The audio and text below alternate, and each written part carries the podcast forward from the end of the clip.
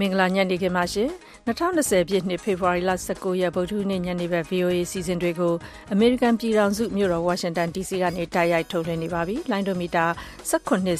25တို့နဲ့အတူ VOA ရဲ့ Facebook စာမျက်နှာ VOA Burmese News ကနေပြီးတော့လည်းထုတ်လွှင့်ချိန်နဲ့တပြေးညီနားဆင်နိုင်ပါတယ်ရှင် ကျွန်မခွာညိုပါခုညနေခင်းစီစဉ်တွေတာဝန်ယူပါမယ်ရှင်ကျွန်မကတော့ဆုမြတ်မမကိုရိုနာဗိုင်းရပ်စ်ပိုးကူးစက်မှုကြောင့်ဂျပန်နိုင်ငံယိုကိုဟာမဆိပ်ကမ်းမှာကန့်ကတ်ထားတဲ့ဇိမ်ခံအပျော်စီးသင်္ဘောကြီးပေါ်ကခီးတဲ့900ကျော်ကိုဒီကနေ့စတင်ကန်ဆင်ခွင့်ပြုလိုက်ပါတယ်ရာဇဝတ်ပေးမှုအမျိုးမျိုးနဲ့ပြစ်ဒဏ်ကြားနေသူတချို့ကို American သမ္မတ Donald Trump ကအင်္ဂါနေ့တုန်းကလွတ်ငြိမ်းချမ်းသာခွင့်ပေးလိုက်ပါတယ်အခုလိုနောက်ဆုံးရတဲ့သတင်းတွေကိုမတ်မြသစင်အောင်နဲ့အကြေညာပေးပါမယ်ရှင် အခုညနေခင်းဆက်ပြီးတော့နားဆင်ရမယ့်သတင်းလွှာတွေဆက်သွယ်မေးမြန်းချက်တွေထဲမှာတော့မြန်မာနိုင်ငံထဲတတိပုဂ္ဂလဝင်လာမဲ့တရုတ်နိုင်ငံသားတွေကိုတရုတ်အစိုးရကပေးတဲ့ကျန်းမာရေးထောက်ခံစာတင်ပြနိုင်ရင် e-visa လျှောက်ထားနိုင်တဲ့အကြောင်းဒီကလည်း e-visa လျှောက်ထားတဲ့အာဝူဟန်ဗိုင်းရပ်စ်နဲ့ပတ်သက်ပြီးမှဒီကျန်းမာရေးစစ်ဆေးမှု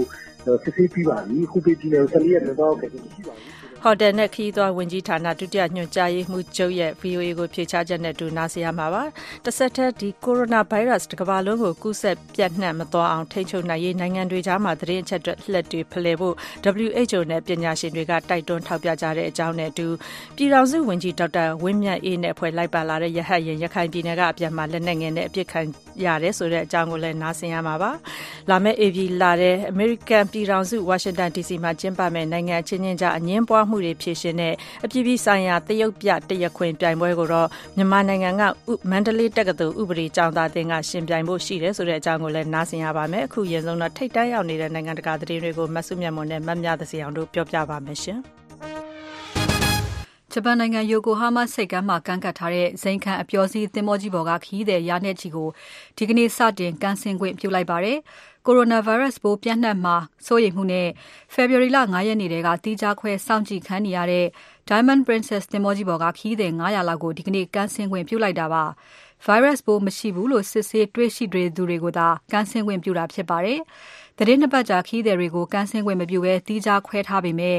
သင်္ဘောပေါ်မှာပိုးကူးစက်သူ940ကျော်အထိတိုးလာနေတာကြောင့်ဂျပန်အစိုးရရဲ့ကင်တွယ်ပုံအပေါ်ဝေဖန်မှုတွေရှိပါတယ်။ဂျပန်အစိုးရအတွင်းဝင်ချုပ် Yoshihide Suga ကတော့ဒီကနေ့ခုလိုကာကွယ်ပြောကြားသွားပါတယ်။事態のこの緊急性それに踏まえて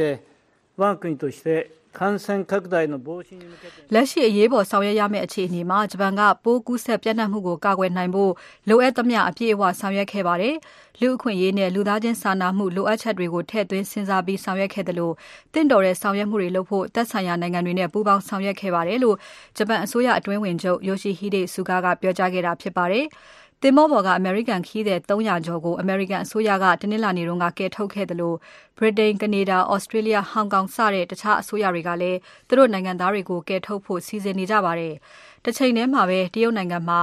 COVID-19 ရောဂါကြောင့်သေဆုံးသူ2004ယောက်ရှိသွားပြီလို့တရုတ်အစိုးရကဒီကနေ့ကြေညာပါတယ်။ coronavirus ပိုးကူးစက်သူနောက်ထပ်1749ယောက်ရှိတယ်လို့တရုတ်ကျန်းမာရေးကော်မရှင်ကပြောကြားတဲ့အတွက်စုစုပေါင်းတရုတ်နိုင်ငံထဲမှာပိုးကူးစက်နေသူ 9400ကျော်ရှိသွားပါပြီ။တောင်ကိုရီးယားမှာကိုရိုနာဗိုင်းရပ်စ်ပိုးကူးစက်သူနောက်ထပ်15ဦးတွေ့တဲ့အတွက်စုစုပေါင်းရောဂါပိုးကူးစက်ခံရသူ46ဦးရှိပြီဖြစ်ပါတယ်။ဒီကနေ့ ကူးစက်တဲ့အထက်က73ဦးက တောင်ကိုရီးယားရဲ့ စတုတ္ထအကြီးဆုံးမြို့ဖြစ်တဲ့ဒေဂူးမြို့တစ်ဝိုက်က ဖြစ်တယ်လို့ တောင်ကိုရီးယားယောဂထိန်းချုပ် ကာကွယ်ရေးဌာန KCDC က ပြောပါတယ်။လူတစ်ထောင်ကျော်လောက်ကိုယောဂပိုးကူးစက်ခြင်း ရှိမရှိ စောင့်ကြည့်စစ်ဆေးနေပြီးတော့တန်တရားလူနာတွေကိုတီးခြားခွဲထားတယ်လို့ယုံဟပ်သတင်းဌာနက KCDC စီးရင်တွေကို ကိုးကားပြီးတော့ပြောပါတယ်။တရုတ်နိုင်ငံက စတင်ကူးစက်ခဲ့တဲ့ ဒီ ကိုရိုနာဗိုင်းရပ်စ်ပိုးကြောင့် လူပေါင်း2000ကျော် သေဆုံးပြီးတော့9500လောက်ယောဂကူးစက်ခံထားရပါတယ်။ ဒီလိုယောဂပိုးကူးစက်တာကြောင့် တရုတ်ရဲ့ ကုန်သွယ်ဘက် တောင်ကိုရီးယားနိုင်ငံ စီးပွားရေးကိုလည်း အကြီးအကျယ် ထိခိုက်စေခဲ့တာပါ။ Hyundai နဲ့ Kia တို့လို တောင်ကိုရီးယား ကားစက်ရုံတွေမှာလည်း တရုတ်ကပေးပို့တဲ့ စက်ပစ္စည်း အစိတ်အပိုင်းတွေ ပြတ်လတ်နေတာကြောင့် ကားထုတ်လုပ်မှုကို လျှော့ချ ရပ်ဆိုင်းထားရပါတယ်။တရုတ်က ကမ္ဘာပေါ်မှာ စီးပွားရေးအရာဒုတိယအကြီးဆုံး ဖြစ်နေတဲ့အတွက် တရုတ်နဲ့ အနီးကပ် ကုန်သွယ်မှုလုပ်နေတဲ့ တောင်ကိုရီးယားအနေနဲ့ အခုလို စီးပွားရေးလုပ်ငန်းတွေ အနည်းနဲ့အများ ထိခိုက်မှာ ရှောင်လွှဲမရနိုင်ဘူးလို့ တောင်ကိုရီးယား ဒုတိယနိုင်ငံခြားရေးဝန်ကြီး Kim Yong Byung က အင်္ဂါနေ့ကပြောတဲ့အကြောင်းကို ယုံဟပ်သတင်းက ဖော်ပြပါတယ်။အခြေအနေတွေက ထင်ထားတာတဲ့ပိုဆိုးလာနိုင်တာကြောင့် စီးပွားရေးအတွက် အရေးပေါ် ဆောင်ရွက်ချက်တွေ မဖြစ်မနေလှုပ်ဆောင်ဖို့ လိုအပ်နေပြီလို့ သမရမွန်ဂျီအင်ကအင်္ဂါနေ့က ပြောဆိုထားပါတယ်။ရာဇဝတ်ပြစ်မှုအမျိုးမျိုးနဲ့ ပြစ်ဒဏ်ကြားနေသူတချို့ကို အမေရိကန်သမ္မတ Donald Trump က အင်္ဂါနေ့တုန်းကလွတ်ငြိမ်းချမ်းသာခွင့်ပေးလိုက်ပါတယ်။အဲ့ဒီအထဲမှာ သမ္မတဟောင်း Barack Obama ရဲ့ လစ်လပ်သွားတဲ့ အထက်လွှတ်တော်အမတ်နေရာကို ရောင်းစားဖို့ကြိုးစားခဲ့သူ အုပ်ချုပ်ရေးမှူးဟောင်း တယောက်လည်း ပါပါတယ်။ ဥပဒေချိုးဖောက်လို့ထောင်ကျနေသူတွေထဲကထောင်ဒဏ်14နှစ်ချခံထားရတဲ့ Illinois ပြည်နယ်အုပ်ချုပ်ရေးမှူးဟောင်း Rod Blagojevich ကိုထောင်ဒဏ်၈နှစ်အကြာမှာပြန်လွှတ်လာတာဖြစ်ပါတယ်။ Blagojevich ရဲ့ဇနီး Patricia ကသူ့ခင်ပွန်းကိုပြန်လွှတ်ပေးဖို့ရုပ်မြင်သံကြားပေါ်မှာမေတ္တာရပ်ခံတာသူတွေ့ခဲ့ရကြောင်းနဲ့ Trump ရဲ့ Celebrity Apprentice ရုပ်သံအစီအစဉ်မှာပါဝင်ခဲ့ဖူးကြောင်း သမ္မတ Trump ကသတင်းထောက်တွေကို ပြောကြားခဲ့ပါတယ်။ Blagojevich အပေါ်ပြစ်ဒဏ်ကသိပ်ကိုပြင်းထန်လွန်းပြီးအဓိပ္ပါယ်မရှိဘူး။၈နှစ်တောင်ကြာအောင်အကျဉ်းချခံခဲ့ရပြီးအခုတော့သူ့ရဲ့မိသားစုဆီပြန်သွားနိုင်ပြီလို့သမ္မတ Trump ကဆိုပါတယ်။အင်္ဂါနေ့တုန်းကသမ္မတ Trump လွတ်ငြိမ်းချမ်းသာခွင့်ပေးလိုက်သူတွေထဲမှာအခွန်ရှောင်တာအပါအဝင်ရာဇဝတ်ပြစ်မှု၈မှုနဲ့ထောင်ကျနေတဲ့ New York ရဲတပ်ဖွဲ့ကော်မရှင်နာမင်းဟောင်း Bernie Kerik, Stock ရှယ်ယာတွေကိုမသမာတဲ့နည်းနဲ့အမြတ်ရအောင်လုပ်ခဲ့တဲ့ Michael Milken, လွန်ခဲ့တဲ့ဆယ်စုနှစ်၂၀လောက်က လာဘ်ပေးလာဘ်ယူမှုနဲ့ထောင်ချခံခဲ့ရတဲ့ San Francisco 49ers ကြေးစားဘောလုံးအသင်းပိုင်ရှင်ဟောင်း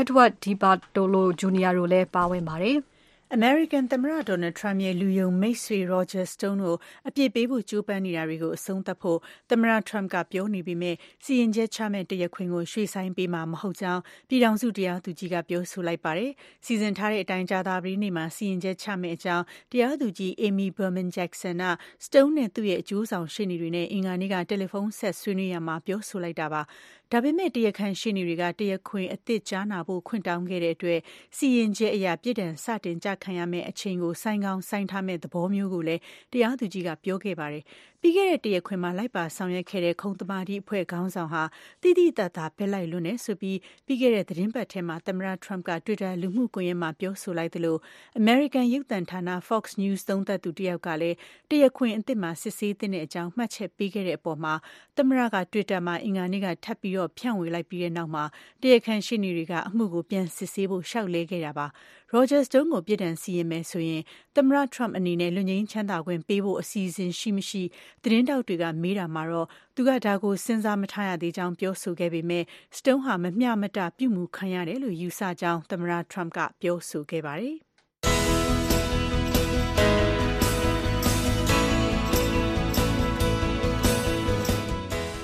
VOA အမေရိကန်အသံညနေဘက်မြန်မာဘာသာအစီအစဉ်တွေကိုညနေ6နာရီခွဲကနေညနေ9နာရီအထိလိုင်းဒိုမီတာ7 kHz 10683ညလိုင်းဒိုမီတာ19 kHz 15563ည လိုင်းဒိုမီတာ25 kHz 11965တို့ကနေပြီးထုတ်လွှင့်ပေးနေပါတယ်ခင်ဗျာ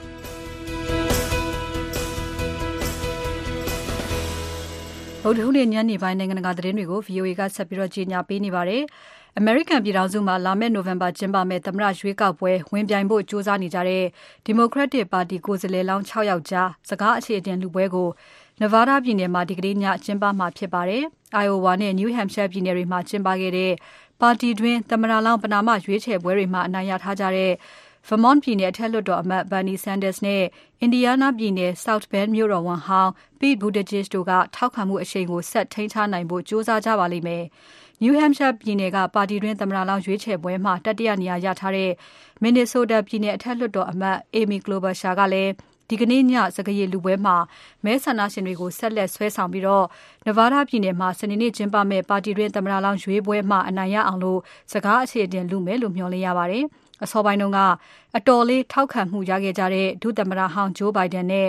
Massachusetts ပြည်နယ်အထက်လွှတ်တော်အမတ် Elizabeth Warren တို့အတွက်လည်းသူတို့အပေါ်ထောက်ခံမှုပြန်လည်ရရှိအောင်လုပ်ဖို့ဒီကနေ့ညစကားစစ်ထိုးပွဲကအခွင့်အလမ်းဖြစ်ပါတယ်။ ဒီနေ့ည Las Vegas မြို့မှာကျင်းပမယ့်ပွဲမှာထူးထူးခြားခြားပါဝင်လာသူကတော့ New York မြို့တော်ဝန်ဟောင်း Michael Bloomberg ဖြစ်ပါတယ်။သူ့ကိုယ်ပိုင်ငွေဒေါ်လာသန်းချီသုံးပြီးရွေးကောက်ပွဲမဲဆွယ်ရုပ်သံကြော်ငြာတွေနဲ့မဲဆွယ်နေတဲ့ဘီလျံနာသူဌေးကြီး Michael Bloomberg ဟာလူထုသဘောထားစစ်တမ်းတွေမှာထောက်ခံမှုတော်တော်ရလာနေပါတယ်။ပြီးခဲ့တဲ့ပြည်နယ်၂ခုအပါအဝင် Nevada နဲ့တောင် Carolina ပြည်နယ်တို့မှာလုပ်မယ့်ပါတီတွင်းသမ္မတလောင်းရွေးချယ်ပွဲတွေမှာသူဝင်မပြိုင်ပေမဲ့ မတ်လ ၃ ရက်နေ့ကျရင်ကျင်းပမယ့် ပြည်နယ် ၁၄ ခုမှာကျင်းပမယ့် ပါတီတွင်း သမ္မတလောင်း ပဏာမရွေးချယ်ပွဲတွေမှာတော့ အနိုင်ရဖို့ အာရုံစိုက် မဲဆွယ်နေတာဖြစ်ပါတယ်။ပရဟိတလုပ်ငန်းတွေလုပ်နေတဲ့ နာမည်ကျော် သူဌေးကြီး Osman Kavala ကို နိုင်ငံတော်အကြည်ညိုပျက်အောင်လုပ်မှု စွပ်စွဲချက်နဲ့ တရားစွဲထားတာမှာ အပြစ်မရှိကြောင်း Istanbul တရားရုံးက ဆုံးဖြတ်ခဲ့ပြီးတဲ့နာရီပိုင်းအကြာမှာပဲ တူရကီအစိုးရရှေ့နေတွေက သူ့ကို ဖမ်းဝရမ်းထုတ်ပြန်လိုက်ပါတယ်။ကာဗာလာကို အပြစ်မရှိကြောင်း အင်္ဂါနေ့က ဆုံးဖြတ်ခဲ့တဲ့အပေါ် လူ့အခွင့်အရေးအဖွဲ့တွေကတော့ ဒါဟာ တူရကီနိုင်ငံမှာ လူ့အခွင့်အရေးနဲ့ တရားစီရင်ရေး သီးခြားလွတ်လပ်တာကိုပြတဲ့ ထူးထူးခြားခြားဖြစ်ရပ်ဆိုပြီး ဝမ်းသာကြိုဆိုခဲ့တာပါ။ကာဗာလာနဲ့အတူဆွဆွဲခံခဲ့ရသူ ၈ ဦးရဲ့ အမှုမှာ ခိုင်မာတဲ့ သက်သေအထောက်အထား မရှိဘူးဆိုပြီး တရားရုံးက အပြစ်မရှိကြောင်း ဆုံးဖြတ်ခဲ့တာ ဖြစ်ပါတယ်။ သူတို့အားလုံးဟာ ပြီးခဲ့တဲ့2013ခုနှစ်တုန်းက လက်ရှိသမ္မတ Recep Tayyip Erdogan ဝန်ကြီးချုပ်အဖြစ် တာဝန်ယူထားချိန် နိုင်ငံတော်ဝန်အစိုးရဆန့်ကျင် ဆန္ဒပြပွဲတွေဖြစ်အောင် စီစဉ်လှုပ်ဆောင်မှု ထောက်ခံအားပေးမှုဆွဆွဲချက်တွေနဲ့ ရင်ဆိုင်ခဲ့တာ ဖြစ်ပါတယ်။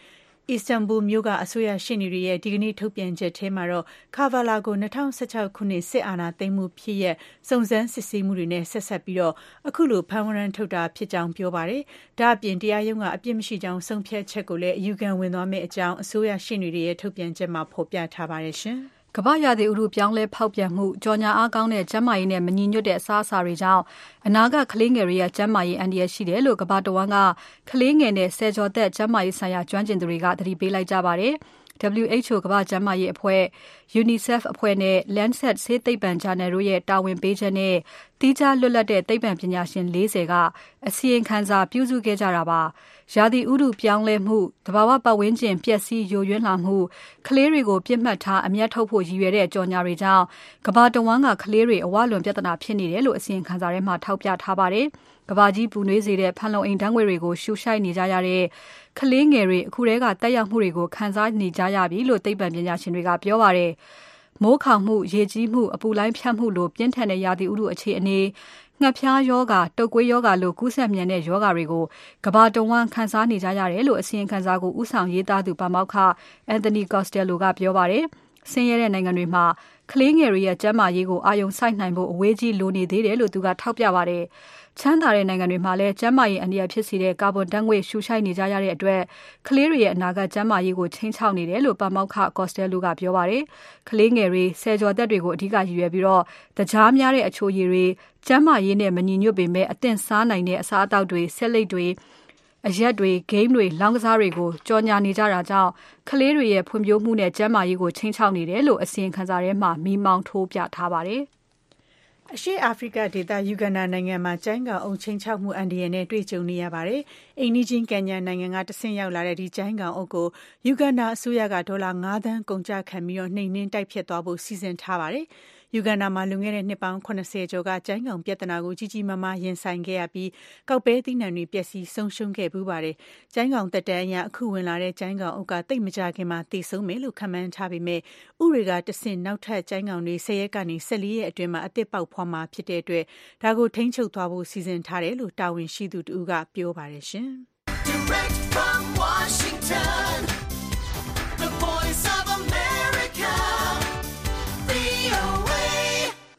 ပုဒ်နေ့ညနေခင်း ထိတ်တန်းရောက်နေတဲ့ ဒေသတွေနဲ့ နိုင်ငံတကာ သတင်းတွေကိုမဆုမြတ်မွန်နဲ့ မမြသစင်အောင်တို့ပြောပြပေးခဲ့ကြတာပါရှင်ခု ညနေခင်း သတင်းလွှာတွေထဲမှာတော့ အရင်ဆုံး ရခိုင်ပြည်နယ်ထဲမှာ ပြည်ထောင်စုဝန်ကြီး လိုက်ပါလာတဲ့ ရဟတ်ရင်ပြစ်ချခံရတဲ့အကြောင်းကို ပြောပြပေးကြပါမယ်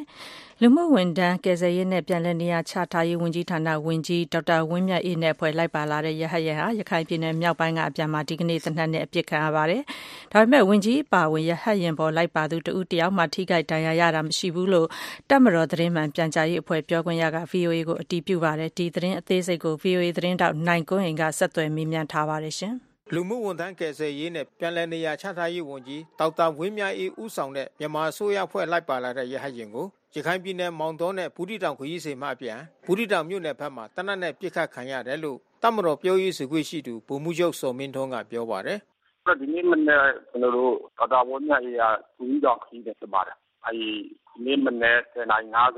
10:45လောက်မှာပြစ်ခတ်တာ ဖြစ်ပါတယ်။စစ်တွေကနေ ဘူးတီတောင်ကိုသွားဖြစ်တယ် ထိခိုက်ဒဏ်ရာရရှိမှု မရှိဘူး။ရရင်ကတော့ ကျွန်တော်ဝမ်းပိုက်တိုင်းကိုနှစ်ချက် ထိသွားတယ်။အဲဘူးတီတောင်ကို အောင်မြင်စွာတက်နိုင်ခဲ့ပါတယ် ပြီးတော့သူခရီးစဉ်တိုင်းနဲ့ဆက်လုပ်ပါတယ်ပြီးတော့ကျွန်တော်တို့ဘူးကြီးတောင်ကနေပြန်ထွက်တော့ကြစစ်တွေကိုညညနေ3နာရီမှာပြန်ရောက်ပါပြီအနေနဲ့ပြင်ရှင်းပါတယ်အားနေကြတော့ဟိုဘူးကြီးတောင်မောင်းတော့ပဲ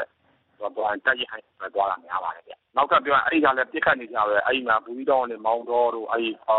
ဒီလိုရသေးတောင်တို့အဲ့လိုသွားနေကြတက်ရဟိုင်းရင်ဟိုရဟိုင်းကိုတော့အောက်ကနေတော့ကျွန်တော်ရခိုင်ရွာတွေထဲမှာရှိနေတယ်သူတို့အမာခံတွေကတော့အဲရဟိုင်းကိုမြင်မြင်မြင်သူကလန့်ပစ်နေကြ ဒီပြစ်ခတ်မှုဖြစ်စဉ်တွင်ရဟရင်တစ်ချက်ထိခိုက်မှုရှိပြီးထိခိုက်တန်ရာရရှိမှုတော့မရှိဘူးလို့ဆိုပါတယ်စည်ရေးသိမ်းမှနေစဲရခိုင်ပြည်နယ်ဘက်မှာတမတော်ရဟရင်တွေကိုအေအေဘက်ကမကြာခဏပြစ်ခတ်မှုတွေလှုပ်ဆောင်နေတယ်လို့တမတော်ဘက်ကပြောပါတယ်ဒီပြစ်ခတ်မှုမှာရခိုင်လက်နက်ကိုင်အေအေဖွဲ့လက်ချက်လို့ပြောပေမဲ့အတီးပြုဖို့ကတော့အေအေပြောရေးဆိုခွင့်ရှိသူကို VOA ကနေစူးစမ်းဆက်သွယ်နေစေဖြစ်ပါတယ်ခင်ဗျာနိုင်ကွင်းရေးစုံစမ်းတင်ပြခဲ့တာပါရှင် အခုကိုရိုနာဗိုင်းရပ်ဆိုင်ရာသတင်းလွှာတွေကိုဆက်ပြီးတော့နားဆင်ကြရပါမယ်။တရုတ်နိုင်ငံကနေမြန်မာနိုင်ငံကိုတသီးပုဂ္ဂလအစီအစဉ်နဲ့လာရောက်မဲ့သူတွေတရုတ်အစိုးရကတရားဝင်ထုတ်ပေးတဲ့ကျန်းမာရေးထောက်ခံစာတင်ပြနိုင်ရင် e-visa လျှောက်ထားနိုင်တယ်လို့ဟိုတယ်နဲ့ခရီးသွားဝန်ကြီးဌာနကဒီကနေ့သတင်းထုတ်ပြန်ပါတယ်။ COVID-19 ဗိုင်းရပ်စ် ကူးစက်ပြန့်ပွားတာကို ထိန်းချုပ်ဖို့ ကြိုးစားတဲ့အနေနဲ့ နှစ်နိုင်ငံကြား အပြန်အလှန် ခရီးစဉ်တွေ ခေတ္တရပ်ဆိုင်းထားချိန်မှာ အခုလို ထုတ်ပြန်ခဲ့တာပါ။မြန်မာ့ခရီးသွားလုပ်ငန်းတွေကတော့ အခုချိန်မှာ တရုတ်နိုင်ငံသားတွေကို ဝင်ခွင့်ပေးတာ ရပ်ထားသင့်တယ်လို့ အကြံပြုကြတာတွေလည်း ရှိပါတယ်။ဒီအကြောင်းကိုတော့ VOA သတင်းထောက် ကိုဇော်ထက်က သတင်းပေးပို့ထားပါတယ်။တရုတ်ခရီးသွားတွေအတွက် ခရီးစဉ်ဆောင်ရွက်နေရာတွေကို နှစ်နိုင်ငံ အပြန်အလှန် ဆိုင်းငံ့ထားပေမဲ့ ကျန်းမာရေး ထောက်ခံစာ တင်ပြနိုင်မယ်ဆိုရင် တရုတ်ခရီးသွားတွေက e-visa လျှောက်ထားနိုင်ကြောင်း ဟိုတယ်နှင့် ခရီးသွားလာရေး ဝန်ကြီးဌာနက ဒုတိယညွှန်ကြားရေးမှူးချုပ် ဦးအောင်အေးဟန်က ပြောပါတယ်။“တိုင်းပြည်လိုက်တဲ့အချိန်ခရီးသွားကုမ္ပဏီကတော့ ဝန်ဆောင်မှုမပေးတော့ဘူး။သို့သော်လည်းပဲ Individual လာတဲ့ F&B တွေရှိတယ်ဗျာ။သူကသံရုံးတို့ e-visa ကိုလျှောက်ပြီးတော့မှ ဝင်ရောက်လာမယ်ဆိုရင်လာလို့ရတဲ့ အနေအထားဖြစ်နေတယ်ဗျာ။အဲလိုလာမယ့်လူတွေဆိုရင် လာလို့ရတယ်။လာလို့မရဘူးလို့ ကျနော်မပြောဘူး။သို့သော်လည်းပဲ e-visa လျှောက်ထားတဲ့ဒီ ဝူဟန်ဗိုင်းရပ်စ်နဲ့ ပတ်သက်ပြီးမှ ကျန်းမာရေးစစ်ဆေးမှု စစ်ဆေးပြီးပါပြီ။ဟူပေပြည်နယ်ကို ၁၄ ရက်အတွင်း သွားရောက်ခဲ့ခြင်း မရှိပါဘူးဆိုတဲ့ ထောက်ခံချက်တွေ တောင်းလိုက်တာပါ။အဲဒီတော့ အဲဒီထောက်ခံချက်တွေပါမှ e-visa လျှောက်လို့ရမယ်ဆိုပြီးတော့မှကျနော်တို့ကအဲဒါလေးထုတ်ပြန်လိုက်တာပါ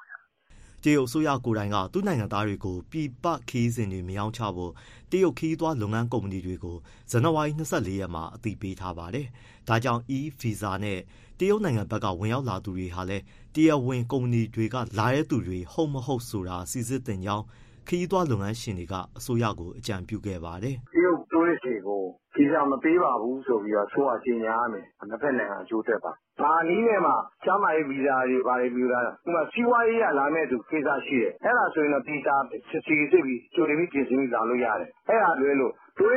Tourist ဗီဇာဆိုရင် ဘယ်သူ့မှ မပေးသင့်ဘူး။” မြန်မာနိုင်ငံ ခရီးသွားလုပ်ငန်းရှင်များအသင်း တာဝန်ရှိသူတဦးဖြစ်တဲ့ ဦးအေးကျော် ပြောသွားတာ ဖြစ်ပါတယ် တရုတ်ခရီးသွားတွေကြောင့် အခြေခံလုပ်သားတွေ အနည်းငယ် ထိခိုက်နိုင်ပေမဲ့ ကြီးကြီးမားမား အပြောင်းအလဲ မရှိတာကြောင့် ခရီးစဉ်တွေ ယာယီဆိုင်းငံ့ထားတာကို လက်ခံကြောင်း မြန်မာနိုင်ငံ ဧည့်လမ်းညွှန်အသင်း ဥက္ကဋ္ဌ ဦးအောင်ထွန်းလင်းက ပြောပါတယ်။“လူတန်းစားတခုတရပ်အတွက်တော့ နည်းနည်းလေး ထိခိုက်တယ်လို့ ပြောလို့ရပါတယ်။ ဒါပေမဲ့ တမျိုးသားလုံး အကျိုးစီးပွားနဲ့ယှဉ်ရင်တော့ ကျနော်တို့က ဝင်ငွေထိခိုက်တာထက် အဓိကအခုလိုမျိုး ကျန်းမာရေးကိုပြတဲ့ အခြေအနေတခုမှာ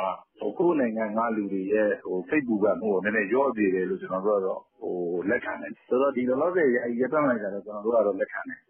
။ဒါ Positive Decision လို့ ကျနော်တို့က ယူဆတယ် ပြည်တွင်းကို နိုင်ငံခြားဧည့်သည်တွေ ဝင်ရောက်မှုက ၂၀၁၉ မှာ ၂၀၁၈ ထက် ၃၈ ရာခိုင်နှုန်း တိုးလာပါတယ်။အလုပ်သမား၊လူဝင်မှုကြီးကြပ်ရေးနှင့် ပြည်သူ့အင်အားဝန်ကြီးဌာနက အချက်အလက်တွေအရဆိုရင် တရားဝင်ဗီဇာနဲ့လာတဲ့ နိုင်ငံခြားသား အရေအတွက်ဟာ ၂၀၁၉ ထဲမှာ ၂ သန်းကျော်ရှိပြီး အဲဒီထဲမှာ တရုတ်နိုင်ငံသားက ၇ သိန်းကျော်နဲ့ အများဆုံးဖြစ်ပါတယ်။တရုတ်နိုင်ငံ ဟူဘေးပြည်နယ် ဝူဟန်မြို့ကနေ စတင်ကူးစက်လာခဲ့တဲ့ COVID-19 ကိုရိုနာရောဂါပိုးဟာ အခြားနိုင်ငံပေါင်း ၂၈ နိုင်ငံကို ကူးစက်ခဲ့ပြီး ဖေဖော်ဝါရီ ၁၉ ရက် မနက်ပိုင်းစာရင်းအရဆိုရင် လူပေါင်း၇သောင်းခွဲကျော်ရှိပါတယ်။ဒါဟာ ကမ္ဘာလှည့်အပျော်စီးသင်္ဘော Diamond Princess ပေါ်က ကူးစက်ခံရသူ အယောက် ၅၄၂ ယောက်ရဲ့ စာရင်းကိုပါ ထည့်တွက်ထားတာ ဖြစ်ပါတယ်။သေဆုံးသူကတော့ တရုတ်နိုင်ငံမှာ အများဆုံးဖြစ်ပြီး စုစုပေါင်း ၂,၀၀၀ ကျော်ရှိလာပြီ ဖြစ်ပါတယ်။ကိုဇော်ထက် တင်ပြခဲ့တာပါရှင်။ အခုလို ကိုရိုနာဗိုင်းရပ်စ် ကူးစက်ခံရသူတွေ အရေအတွက် တိုးလာနေတဲ့အတွက် ရောဂါကူးစက်သူတွေ တွေ့နေရတဲ့ နိုင်ငံတွေအနေနဲ့ သတင်းအချက်အလက်တွေ ဖလှယ်ကြဖို့ ကမ္ဘာ့ကျန်းမာရေးအဖွဲ့ WHO နဲ့ ကျန်းမာရေးပညာရှင်တွေက တိုက်တွန်းနေကြပါတယ်။တကမ္ဘာလုံးကို ရောဂါပိုး ကူးစက်ပြန့်နှံ့မသွားအောင် ထိန်းချုပ်ရေးအတွက် နိုင်ငံတွေကြားမှာ သတင်းအချက်အလက် ဖလှယ်မှုက သိပ်ကို အရေးကြီးတယ်လို့လည်း ထောက်ပြကြပါတယ်။အပြည့်အစုံကိုတော့ VOA သတင်းတောက် Julie Davot ပေးပို့ထားတဲ့ သတင်းလွှာကို နန်းလောင်က တင်ပြထားပါတယ်ရှင်။ ကိုရိုနာဗိုင်းရပ်စ်စတင်ပျံ့နှံ့ရာတရုတ်နိုင်ငံမှာတော့ဒီရောဂါကူးစက်မှုကြောင့်သေဆုံးသူ၂,၀၀၀ကျော်အပါအဝင်ကူးစက်ခံထားရသူ၇သောင်းခွဲကျော်ရှိနေတာပါ။ကမ္ဘာ့ကျန်းမာရေးအဖွဲ့အစည်း WHO အကြီးအကဲ Tedros Adhanom Ghebreyesus ကခုလိုသတိပေးပါတယ်။“ကိုရိုနာဗိုင်းရပ်စ်ဘယ်လောက်ပြင်းထန်သလဲဆိုတာနဲ့သေဆုံးမှုနှုန်းဘယ်လောက်ရှိသလဲဆိုတာနှိုင်းယှဉ်ကြည့်ဖို့တရုတ်နိုင်ငံအပြင်ဘက်မှာဘယ်လောက်ကူးစက်ထားသလဲဆိုတဲ့သတင်းအချက်အလက်တွေလက်ရှိမှာအလုံအလောက်မရသေးပါဘူး ကူးစက်ခံထားရတဲ့ လူနာသစ်တွေရဲ့ အခြေအနေနဲ့ ရလဒ်တွေ ဘယ်လိုရှိသလဲဆိုတာသိရဖို့ သက်ဆိုင်ရာနိုင်ငံတွေဆီက သတင်းအချက်အလက်တွေ ကျနော်တို့ တောင်းထားပါတယ် WHO ဘက်က အကူအညီတွေပေးနိုင်ဖို့ ရောဂါကူးစက်ခံထားရတဲ့နိုင်ငံတွေအနေနဲ့လည်း ပွင့်ပွင့်လင်းလင်းနဲ့ သတင်းတွေဝေမျှဖို့ သိပ်ကိုအရေးကြီးပါတယ်လို့ ဒေါက်တာတက်ဒရိုကပြောပါတယ်။ This signals show the ကိုယ့် importance စီ of ရောဂါ all ပိုရောက်လာ countries နိုင် being တဲ့အပေါ် ready နိုင်ငံအားလုံး ပြင်ဆင်ထားဖို့ သိပ်ကိုအရေးကြီးပါတယ်။ လူနာတွေကို စေတနာမေတ္တာထားပြီး သိက္ခာရှိရှိဆက်ဆံဖို့၊ကျန်းမာရေးဝန်ထမ်းတွေကို အကာအကွယ်ပေးဖို့နဲ့ ရောဂါပိုးတွေ ရှေ့ဆက် မကူးစက်အောင် ကာကွယ်ဖို့လိုပါတယ် အမေရိကန်နိုင်ငံ ဖလော်ရီဒါပြည်နယ် FIU Harvard Waltham ဆေးကောလိပ် ပါမောက္ခ Eileen Marty ကတော့ တချို့အစိုးရတွေရဲ့ တုံ့ပြန်ပုံတွေ မတူညီကြဘူးလို့ Skype ကနေ ခုလိုပြောပါတယ်။ Some governments have been more တ strict. ချို့အစိုးရတွေက some less, ပိုတင်းကျပ်ပြီး some တ have ချို့ကတော့ imposed သိပ်မတင်းကျပ်ပါဘူး barriers, some တချို့က ကုန်သွယ်ရေး ကန့်သတ်ချက်တွေထားတယ် တချို့ကခီးသွားလာရေး ပိတ်ပင်တာမျိုးတွေလည်း ရှိတယ်လေ နေရာဒေသအမျိုးမျိုးကသက်ဆိုင်ရာအစိုးရရဲ့လုံနိုင်တဲ့စွမ်းအားပေါ်မှာမူတည်ပြီးအဲ့ဒီကန့်သတ်ပိတ်ပင်မှုတွေကလည်းကွဲပြားကြပါတယ်ခရီးသည်3500လိုက်ပါလာတဲ့ဂျပန်နိုင်ငံယိုကိုဟာမာဆိပ်ကမ်းမှာတီးခြားခွဲပြီးတော့ဆိုက်ကပ်ထားတဲ့ Diamond Princess အပျော်စီးစိန်ဟန်သင်္ဘောကြီးပေါ်မှာတော့ထင်ထားတာထက်ပိုပြီးတော့ယောဂကူးစက်ပြန့်နှံ့ခဲ့တယ်လို့ WHO ကျန်းမာရေးအရေးပေါ်အစီအစဉ်ရဲ့ညွှန်ကြားရေးမှူး Michael Ryan ကပြောပါတယ် It's an unfortunate event uh, occurring on the ship and ရေရှည် uh, ဖြေ we တရားအတွက်ကာကွယ်ဆေးထုတ်လုပ်တဲ့နေရာမှာကျွန်တော်တို့အားလုံးယဉ်ကျေးမြုပ်နှံခြင်းပါတယ်။ဒါပေမဲ့အခုလက်ရှိမှာလူတွေနေထိုင်မကောင်းဖြစ်နေတာပါ။လက်ရှိကျန်းမာရေးစနစ်ကလည်းအားနည်းနေပါတယ်။ဒါကြောင့်ကျွန်တော်တို့ရဲ့ယဉ်ကျေးမြုပ်နှံမှုတွေကိုချိန်ခွင်ရှာညှိတဲ့အနေနဲ့အားနည်းနေတဲ့ကျန်းမာရေးစနစ်မှာအရင်ဆုံးအသုံးပြုဖို့လိုပါတယ်။ဒီကိစ္စပြီးမှပဲကာကွယ်ဆေးထုတ်လုပ်တဲ့ကိစ္စကိုတခြားကဏ္ဍတွေလို့လုပ်ကင်ရမှာပါ။ ကိုရိုနာဗိုင်းရပ်စ်ကကွယ်ဆေးထုတ်လုပ်ဖို့အရေးကြီးနေပေမဲ့လည်းလက်ရှိမှာထိတ်တန့်ဦးစားပေးလုပ်ရမယ့်ကိစ္စတော့မဟုတ်ဘူးလို့ကျွမ်းကျင်သူတွေကပြောပါတယ်။ Michael Ryan ကပဲအခုလိုပြောပါတယ် we all want to invest in the vaccine as a long-term solution. တင်မောမှာယောဂကူးစက်ပြန့်နှံ့သွားတာကတော့ အတော့ကန်ခေတာပါ ဂျပန်အစိုးရရော သူ့နိုင်ငံသားတွေ ပြန်ခေါ်ကြတဲ့ သက်ဆိုင်ရာအစိုးရတွေကလည်းတင်မောလိုက်ပါခဲ့ကြတဲ့ခီးတဲ့တူးချင်းစီကိုတင့်တော်တဲ့နီလန်းနဲ့ ဆက်ဆောင်ကြည့်နေပြီးယောဂလက္ခဏာတွေ့ရင် လိုအပ်တဲ့ဆောင်းရှောက်မှုတွေရအောင်လုပ်ပေးကြမယ်လို့ယုံကြည်ပါတယ်ယောဂကူးစက်ထားတာမျိုးတွေမတွေ့ရဘူးဆိုရင်လည်းသူတို့ရဲ့လူမှုအတိုင်းဝိုင်းနဲ့ပြန်ပြီးတော့ကူးလူးဆက်ဆံသွားနိုင်ကြမှာပါ FIU ဆေကောလိပ်က Eileen Mathy ကလည်းကာကွယ်ရေးထုတ်လုပ်စမ်းသပ်မဲ့လုပ်ငန်းအကြောင်း Skype ကနေတဆင့်အခုလိုရှင်းပြပါတယ် We have to make sure that that vaccine doesn't hurt you. ကာကွယ်ဆေးကြောင့် So, ဆိုးကျိုးတွေ safety ဖြစ်တာမျိုးမဖြစ်အောင် studies, လုပ်ရ and မှာပါ that takes time. ကာကွယ်ဆေးကအန္တရာယ်ကင်းရဲ့လားဆိုတာကိုလည်းလေ့လာရမယ်လေဒါကအချိန်ယူရမယ်လေ စေတနာဝန်ထမ်းတွေနဲ့ ဆေးကိုစမ်းသပ်ဖို့တစ်လကနေ3လအထိ ကြာနိုင်ပါတယ် နောက်ပြီး ကာကွယ်ဆေးထိုးထားတဲ့ လူတွေအနေနဲ့ယောဂသည်တွေနဲ့ ဆက်ဆံတဲ့အခါမှာ ကူးစက်မှု ရှိမရှိ ဆိုတာမျိုးကိုလည်း စောင့်ကြည့်ရမယ်လေ ကိုရိုနာဗိုင်းရပ်စ်ဘဲကစပြီးတော့ကူးစက်ပြန့်နှံ့ခဲ့တယ်လဲဆိုတာ အတိအကျ မသိရသေးပေမဲ့လည်း အမေရိကန်အစိုးရကတော့ ကိုရိုနာဗိုင်းရပ်စ်ကကွယ်ဆေး ထုတ်လုပ်နိုင်ဖို့ ဆေးဝါးထုတ်လုပ်ရေး ကုမ္ပဏီနှစ်ခုနဲ့ ဆွေးနွေးနေပြီ ဖြစ်ပါတယ်ရှင်။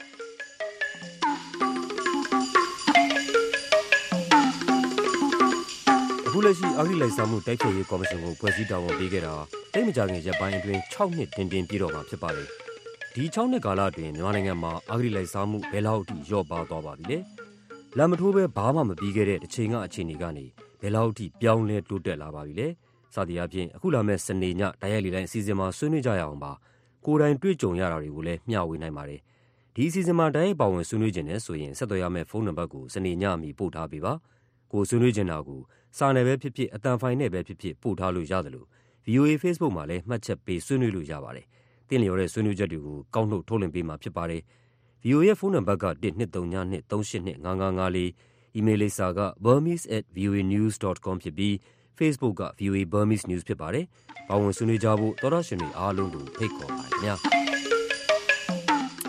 VOA ရဲ့ဗုဒ္ဓဟူးနေ့အစီအစဉ်ညနေခင်းအစီအစဉ်တွေနားဆင်နေကြရတာဖြစ်ပါတယ်ရှင်။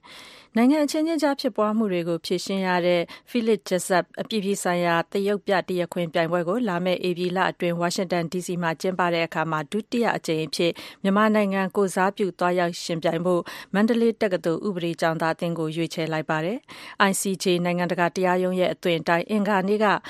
ရန်ကုန် American Center မှာ ပြုလုပ်ခဲ့တဲ့ အပြည်ပြည်ဆိုင်ရာတရုတ်ပြတရားခွင်ပြိုင်ပွဲအကြောင်း ကိုစီသူက ပြောပြမှာပါရှင်။ နိုင်ငံတကာက ဥပဒေပညာကျောင်းသားတွေနဲ့ရှင်ပြိုင်ရမယ့်တရုတ်ပြတရားခွင်ပြိုင်ပွဲအတွက် ပြည်တွင်းတက္ကသိုလ်ခုနှစ်ခုဖြစ်တဲ့ ရန်ကုန်တက္ကသိုလ် ရန်ကုန်အရှေ့ပိုင်းတက္ကသိုလ် မန္တလေးတက္ကသိုလ် ပုသိမ်တက္ကသိုလ် မကွေးတက္ကသိုလ်နဲ့ ရတနာပုံတက္ကသိုလ်က ဥပဒေပညာဌာနကျောင်းသားတွေရှင်ပြိုင်ခဲ့ကြရမှာ မန္တလေးတက္ကသိုလ်အသင်းက အနိုင်ရခဲ့တာပါ2019ခုနှစ်က မြန်မာကိုစားပြုတွားရောက်ရှင်ပြိုင်ခဲ့သူ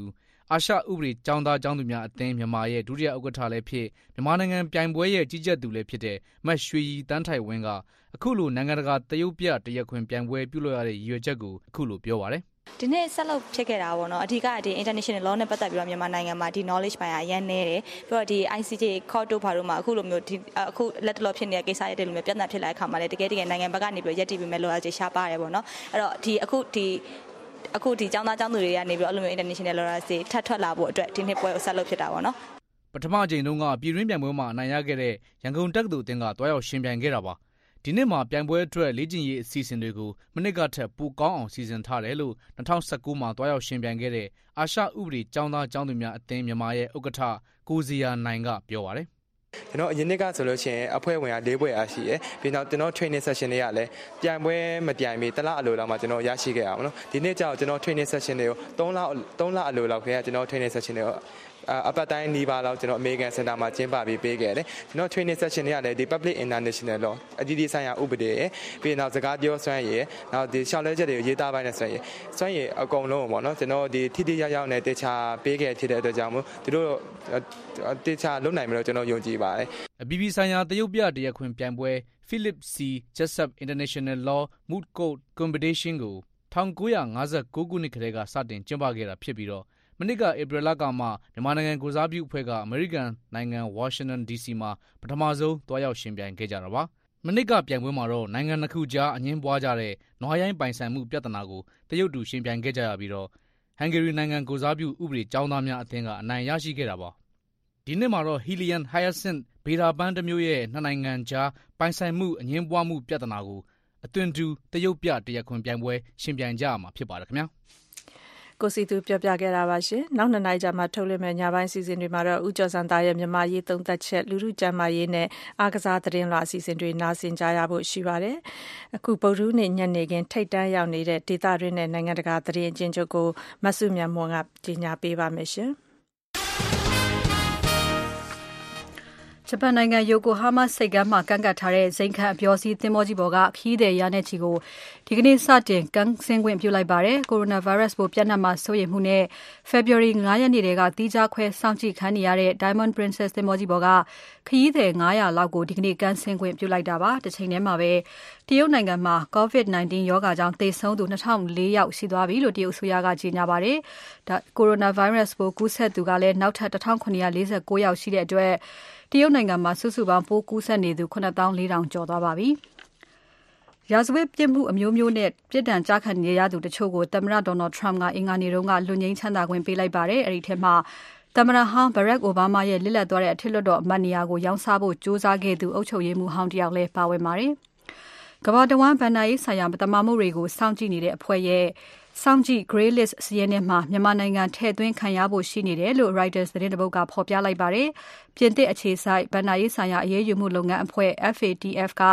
ပါရီမြို့တော်မှာ ကနဦးစည်းဝေးပွဲလုပ်ပြီးရင်တောက်ကြနေကြေညာမယ်လို့ မျှော်လင့်ရပါတယ်။မြန်မာနိုင်ငံမှာ ငွေမဲခွာချမှု အကြမ်းဖက်ဝါဒီတွေအပေါ်ငွေကြေးထောက်ပံ့မှုတွေကိုတိုက်ဖြတ်ဖို့လိုအပ်တဲ့လှုပ်ဆောင်ရွက်ချက်တွေကိုအပြည့်အဝလှုပ်ဆောင်ခြင်းမရှိဘူးလို့ FATF အဖွဲ့ကတွေးရှိထားကြောင်းဒီကိစ္စကိုသိရှိတဲ့သတင်းစင်းမြစ်နှစ်ခုက Reuters သတင်းဌာနကိုပြောကြားထားတာဖြစ်ပါတယ်။ငွေမဲခွာချမှုတိုက်ဖြတ်အောင်မြန်မာနိုင်ငံရဲ့အရေးယူဆောင်ရွက်ရမယ့်အစီအစဉ်တွေကိုပြည့်မီအောင်ဆောင်ရွက်ခြင်းမရှိတဲ့အတွက် Grey List စောင့်ကြည့်စည်းရင်းတွေထည့်သွင်းခံရမှာဖြစ်တယ်လို့ပြောပါတယ်ရှင်။ ဖေဖော်ဝါရီလ19ရက် ဗုဒ္ဓဟူးနေ့ ညနေခင်း ထိတ်တန်းရောက်နေတဲ့ ဒေသတွင်းနဲ့ နိုင်ငံတကာ သတင်းချင်းချုပ်ကိုမဆုမြတ်မွန် ပြောပြပေးသွားတာပါရှင်။အခုညနေစီစဉ် ထုတ်လို့ရမှုကနန်းလောင်ဖြစ်ပြီးအတန်ဖန်အင်ဂျင်နီယာကတော့ Dexter Windirat ဖြစ်ပါတယ်။အခု ကျမတို့အတန်လွှင့်နေတဲ့ ရေဒီယိုအစီအစဉ်ပြီးပြီးချင်း Intelsat 17 နဲ့ Mia 3တို့ကနေ တိုက်ရိုက်ထုတ်လွှင့်ပေးမဲ့ VOA ရဲ့ နေ့စဉ် TV အစီအစဉ်ကိုလည်း ကြည့်ရှုနိုင်ကြပါတယ်။ VOA သောတာရှင်များနဲ့တကွ မြန်မာပြည်သူပြည်သားအားလုံး ကိုရောစိတ်ပါရှင်လန်းချမ်းမြေ့ကြပါစေရှင်။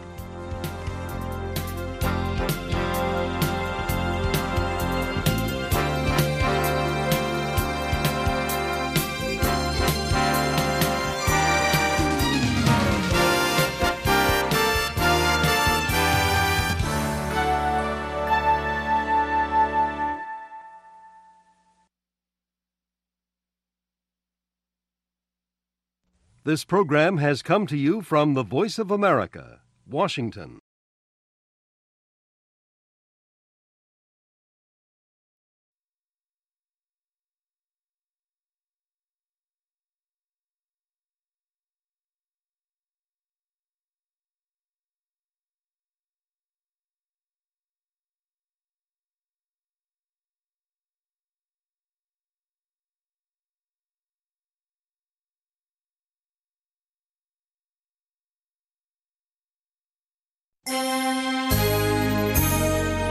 From Washington, this is VOA News.